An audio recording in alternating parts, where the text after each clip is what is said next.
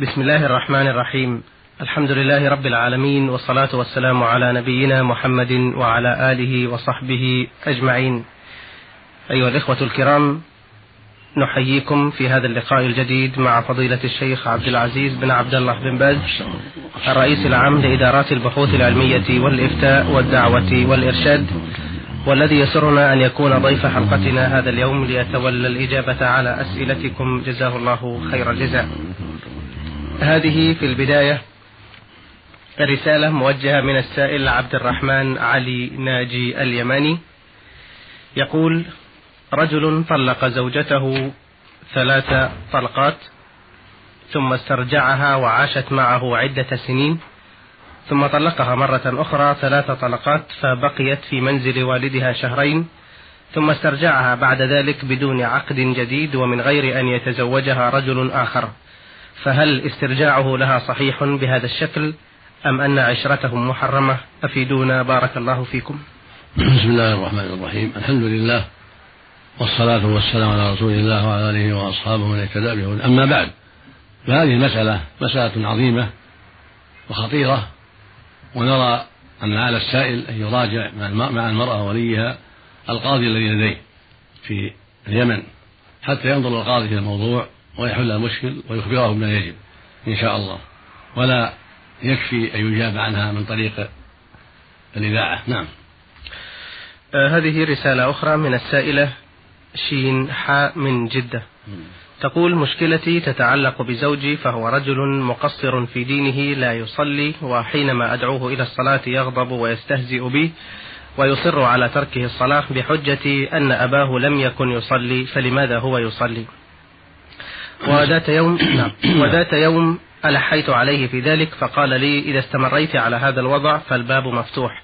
وعندها طلبت منه الطلاق. ومرة أخرى أيضا وتقريبا لنفس السبب قال لي لا تكلميني إلى يوم القيامة.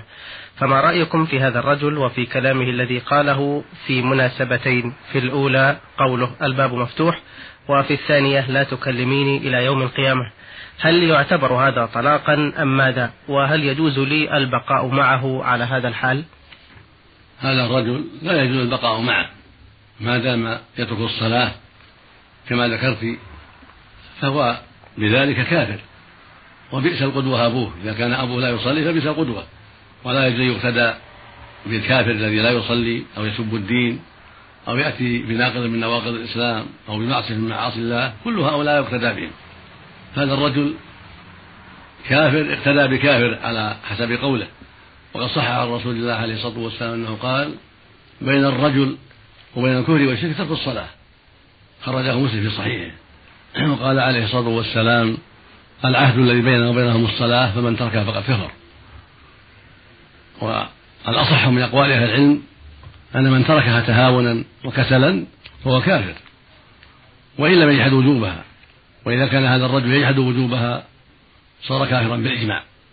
وبكل حال فهذا الرجل رجل سيء وكافر بترك الصلاة في أصح أقوال أهل العلم فلا يجوز لك البقاء معه. بل يجب عليه أن تفارقيه ولا تمكنه من نفسه وقولها الباب مفتوح هذه كناية. إذا أراد بها الطلاق معنى أخرج أنت طالق فهي طلاق. وإذا كان ما أراد الطلاق فليس بطلاق. لكن بكل حال حتى لو لم يطلق ما ينبغي لك البقاء معه بل يجب عليك فراقه وأن تتركيه وتذهبي إلى أهلك وأولادك معك وليس له حق في الأولاد لكفره فأنت أولى بأولادك. وهو رجل سيء قد تعاطى كفرا بالله عز وجل فعسى الله أن يتوب عليه.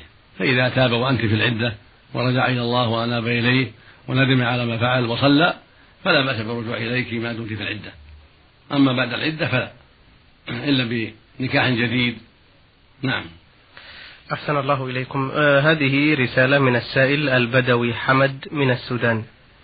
يقول غضبت مع زوجتي غضبا شديدا فقلت لها أنت طلقانة أنت كظهر أمي وأنا الآن أريد إرجاعها.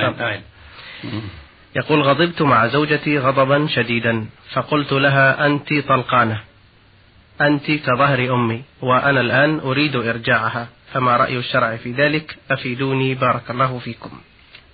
هذا فيه طلاق وظهار وقولها أنت طلقانها يحسب واحدة كان ما قبلها طلقتان فهذه واحدة يراجعها بالعدة والسنة يشهد شاهدين على ذلك؟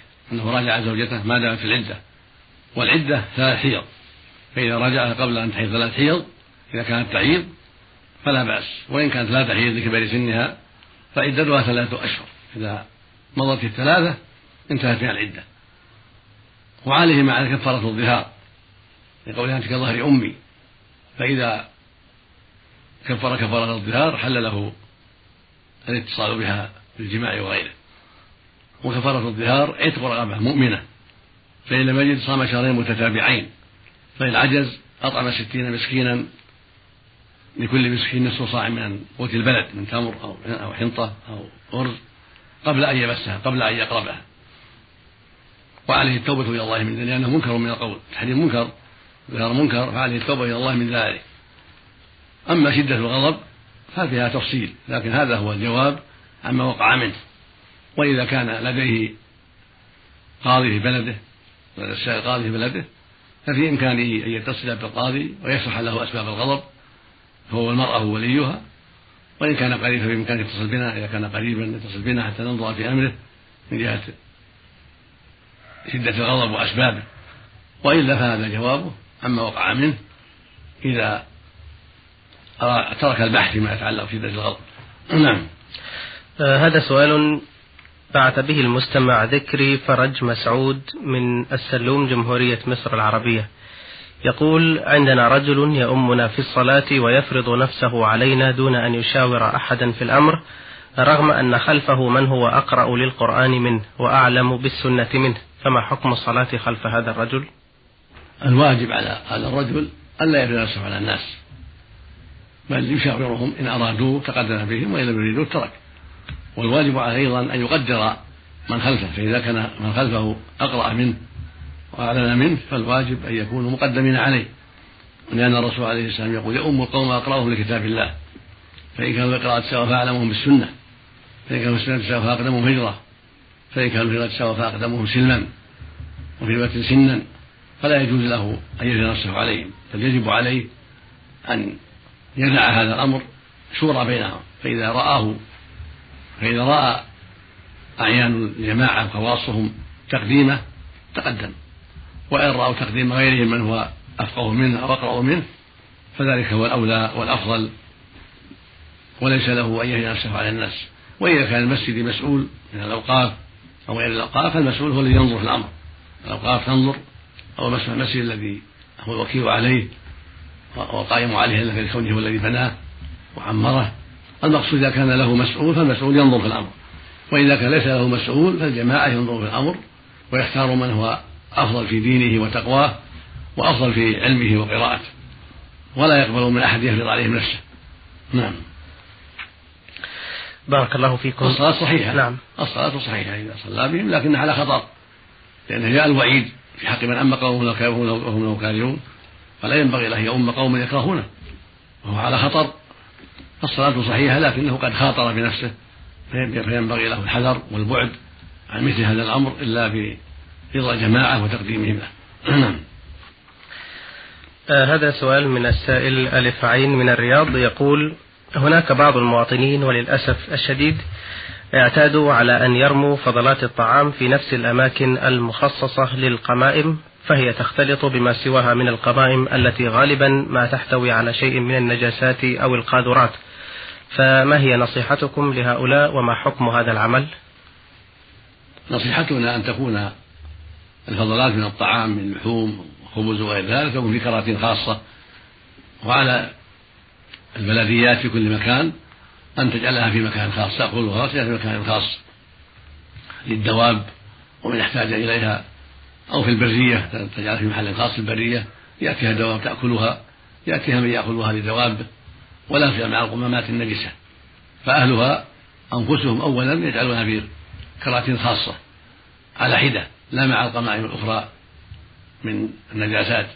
وعلى البلديات في كل مكان أن تلاحظ هذا الأمر وأن تعتني به وتجعله في أمكنة خاصة في البرية أو في أي مكان تراه حتى يأخذه من أراده من, من الناس أو حتى تأتي الدواب فتأكله. نعم. إنما ليس عليهم إثم في عملهم هذا؟ لا يجوز لهم لا يجوز خلطها مع النجاسات. نعم. نعم. ليس لهم ذلك بل يأثموا بذلك. أحسن الله إليكم. هذه السائلة منيرة الرميح بعثت بسؤال تقول والدي توفي وأريد أن أعرف ما هي الأعمال التي أعملها ليصل ثوابها إليه وهل قراءة القرآن إذا كانت نيته للميت يذهب الأجر إليه وكذلك العمرة؟ آه، أفيدونا جزاكم الله خير الجزاء. الميت في حاجة إلى الدعاء والصدقة وأحسن ما يفعل مع الميت الدعاء الدعاء له الغيب الدعاء له والترحم عليه. وسأل الله سبحانه وتعالى أن يغفر له وأن يتغمده بالرحمة وأن يعفو عنه وأن يرفع درجاته في الجنة ونحو هذا من الدعاء الطيب. والصدقة كذلك صدقة بالنقود بالطعام بالملابس بغير هذا من أنواع المال. كل هذا ينفع الميت. وهكذا الحج عنه هكذا العمرة عنه. كل هذا ينفع الميت. وإن كان عليه ديون وجب البذار بقضائها من ماله إن كان له مال. وإن كان ما له مال شرع لأوليائه من ذريته وقراباته أن يوفوا عنه. فالوفاء عنه من أعظم الصدقات عليه. كل هذا مطلوب. أما القراءة فلا. لم يأتي لم يأتي ما يدل على شرعية ذلك. وقد ذهب بعض أهل العلم إلى أن القراءة تنفع الميت. ولكن ليس عليه دليل. فالأولى ترك ذلك. لأنه ليس هناك دليل عن النبي صلى الله عليه وسلم ولا عن أصحابه في أن القراءة تصل الميت. وأنه يقرأ له ويثوب له. هذا ليس عليه دليل واضح. فالأولى والأفضل والأحوط ترك ذلك. ولكن يدعى للميت يستغفر له ترحم عليه. يصدق, يصدق عنه بالمال بأنواع المال. يحج عنه يعتمر عنه يوفى عنه الدين. كل هذا شيء ينفع الميت. ويأجر الله هذا وهذا. الميت ينتفع والفاعل من الأحياء يؤجر على ذلك أيضا. وقد صح عن رسول الله عليه الصلاة والسلام أنه قال إذا مات ابن آدم انقطع عمله إلا من ثلاث صدقة جارية وعلم ينتفع به أو ولد صالح يدعو له. وثبت عن النبي صلى الله عليه وسلم أن رجلا سأله. قال إن أمي ماتت فهل لها أجر إن صدقت عنها؟ قال النبي نعم. فالصدقة على الميت تنفعه بإجماع المسلمين. هكذا الدعاء له بإجماع المسلمين ينفعه. والله المستعان نعم. والصلاة والصيام؟ الصلاة مهم مشروعة. لا يصلى على الميت. لا لم يشرع هذا. وهكذا قراءة. أما الصيام فإذا كان صوم يصام عنه. صوم الواجب عليه. الصيام بأن فرط عليه الصيام ولم يصم يصام عنه يصوم عنه أولياؤه. كما قال النبي صلى الله عليه وسلم من مات وعليه الصيام صام عنه وليه. فيصوم عنه ولده ذكر أو أنثى أو زوجته أو غيرهما من قراباته هذا طيب وينفع الميت. الصيام الواجب قد سأل جماعة النبي صلى الله عليه وسلم عن أنواع من الصوم فأجابهم النبي صلى الله عليه وسلم بقول أرأيتم لو كان على فلان دين أكنت أكنت قاضيه فقل الله فالله حق بالوفاء. شبهه بالدين سواء كان صوم رمضان أو كفارة أو نذر كله يصام عن هذا الصحيح. ولو كان صوم رمضان ولو كان صوم كفارة. وقال بعض أهل العلم إنما يصام عنه النذر خاصة ولكن هذا قول ضعيف والأحاديث الصحيحة تدل على خلافه الحديث الصحيح دال على أنه يصام عنه حتى رمضان. ولهذا قالت عائشة رضي الله عنها عن النبي صلى الله عليه وسلم قال من مات وعليه الصيام صام عنه ولي. أخرجه الشيخان في الصحيحين. وفي الصحيح من عد عن عدة من الصحابة أنهم سألوا النبي صلى الله عليه وسلم عن مات وعليه صوم شهر. بعضهم قال صوم شهرين فنصوم عنه فقال النبي صلى الله عليه وسلم صوموا عنه وشبهه بالدين. ولم يستفصل هل هو رمضان هل هو كفارة هل هو نذر فدل ذلك على أن الأمر عام يعم الكفارة ويعم النذر ويعم رمضان. وفي مسند أحمد بإسناد جيد عن ابن عباس رضي الله عنهما أن امرأة قالت يا رسول الله إن أمي ماتت وعليها صوم رمضان أفأصوم عنها؟ قال صومي عن أمك. أرأيت لو كان عليها دين كنت قاضيته وقل الله فالله حق بالوفاء. وهذا صريح في رمضان وإسناده قوي جيد. أما إذا كان الميت ما فرط يعني مات في مرضه فلا هذا لا صوم عليه عند عامة أهل العلم جمهور أهل العلم. ليس عليها لا يقضى عن صوم ولا يطعم عنه لأنه غير مفرط معذور. لأن الله قال ومن كان مريضا أو على سفر فعدة من أيام أخرى. وهي الذي توفي في مرضه ما أدرك أياما أخر معذور. ليس عليه صيام وليس عليه إطعام ليس على ورثته إطعام ولا صيام. نعم. أثابكم الله. آه هذه رسالة من السائل سليم محمد من جمهورية مصر العربية. يقول حصل بيني وبين زوجتي خلاف في يوم من الأيام وقد قلت لها وأنا في حالة غضب أنت خالصة. وقد كررت هذا القول مرتين فإنني أرجو التكرم بالإفادة. هل يعتبر هذا طلاقا أم لا؟ إذا كنت أردت الطلاق فهو طلاق لأن يعني هذا كناية سميه العلماء كناية فإذا كنت أردت الطلاق بقولها أنت خالصة يكون طلاقا واحدا طلقة واحدة. وإذا والمكرر مثل ذلك إذا كنت أردت طلاقا ثانيا يكون طلقة ثانية. أما إن كنت أردت التأكيد الكلام الأول ما أردت طلاقا ثانيا أردت التأكيد أو التفهيم للمرأة فلا يقع إلا واحدة بالكلام الأول. إذا كنت أردت الطلاق أما إن كنت أردت طلاقا ثاني بالتكرار فيقع عليها طلقتان. وإن كنت ما أردت الطلاق قلت أنت خالصة ما أردت طلاق وإنما أردت يعني إزعاجها أو تكديرها وتحزينها أو خالصة من كذا وكذا غير الطلاق ما أردت الطلاق فأنت على نيتك. لأن الرسول صلى الله عليه وسلم يقول إنما الأعمال بالنيات وإنما لكل امرئ ما نوى. فأنت على نيتك. وإذا كان ما قبل هذا طلاق فلك مراجعتها. إن كنت أردت طلقة واحدة فقط وأردت بالتكرار التأكيد أو إفهام فلا يقع إلا واحدة ويبقى لها طلقتان ولك مراجعتها ما دامت العدة. السنة أن تشهد شاهدين. السنة أن تشهد شاهدين من العدول تقول لهما اشهدا أن راجعت زوجتي فلانة ما دامت العدة. فإن لم تحصل مراجعة وهي في العدة فلا بد من عقد جديد. برضاها بمهر جديد بشروطه معتبرة شرعا. إذا خرج من العدة وأنت لم تراجع لم تحل تحد لك إلا بنكاح جديد بشروطه المعتبرة شرعا. أما إن كان قبل هذا طلاق إن كان قبل طلقتان انتهى الأمر. وأنت أردت الطلاق بقولك أنت خالصة هذا تمام الثلاث فلا تحل لك إلا بعد زوج. زوج شرعي يطأها. وإن كان قبله طلقة وأنت أردت بقولك أنت خالصة أنت خالصة. طلقتين تمت الثلاث فلا تحل لك إلا بعد زوج شرعي. زوج شرعي يدخل بها ويطأها. وإذا أشكل عليك المقام تسأل أهل العلم. عندك علماء الفقهاء تسألهم عما أشكل عليك. نعم. لما يصح لو راجعها بينه وبينها آه، بالقول أو بالفعل. يصح لكن السنة يشهد شاهدين نعم. أما الرجعة بالقول إذا راجعها أو وطئها بنية الجماع بنية الرجعة كفى. لكن السنة يشهد شاهدين على قوله راجعتها نعم. إنما على العموم يفهم من هذا أن جميع الكنايات تفتقر إلى اقتران النية. لا بد من النية. نعم. إذا لم يكن هناك نية فلا يعتبر. نعم. لا بد من النية. نعم. الألفاظ التي غير صريحة في الطلاق. أنت خالصة أنت ملك في ذمتي أنت خالية من ذمتي وما أشبه ذلك. نعم. جزاكم الله خير الجزاء. إخوتنا الكرام كان ضيف لقائنا هذا اليوم فضيلة الشيخ عبد العزيز بن عبد الله بن باز. الرئيس العام لإدارات البحوث العلمية والإفتاء والدعوة والإرشاد وقد أجاب مشكورا على أسئلة الإخوة عبد الرحمن علي ناجي اليماني والأخت شين حاء من جدة والأخ البدوي حمد من السودان.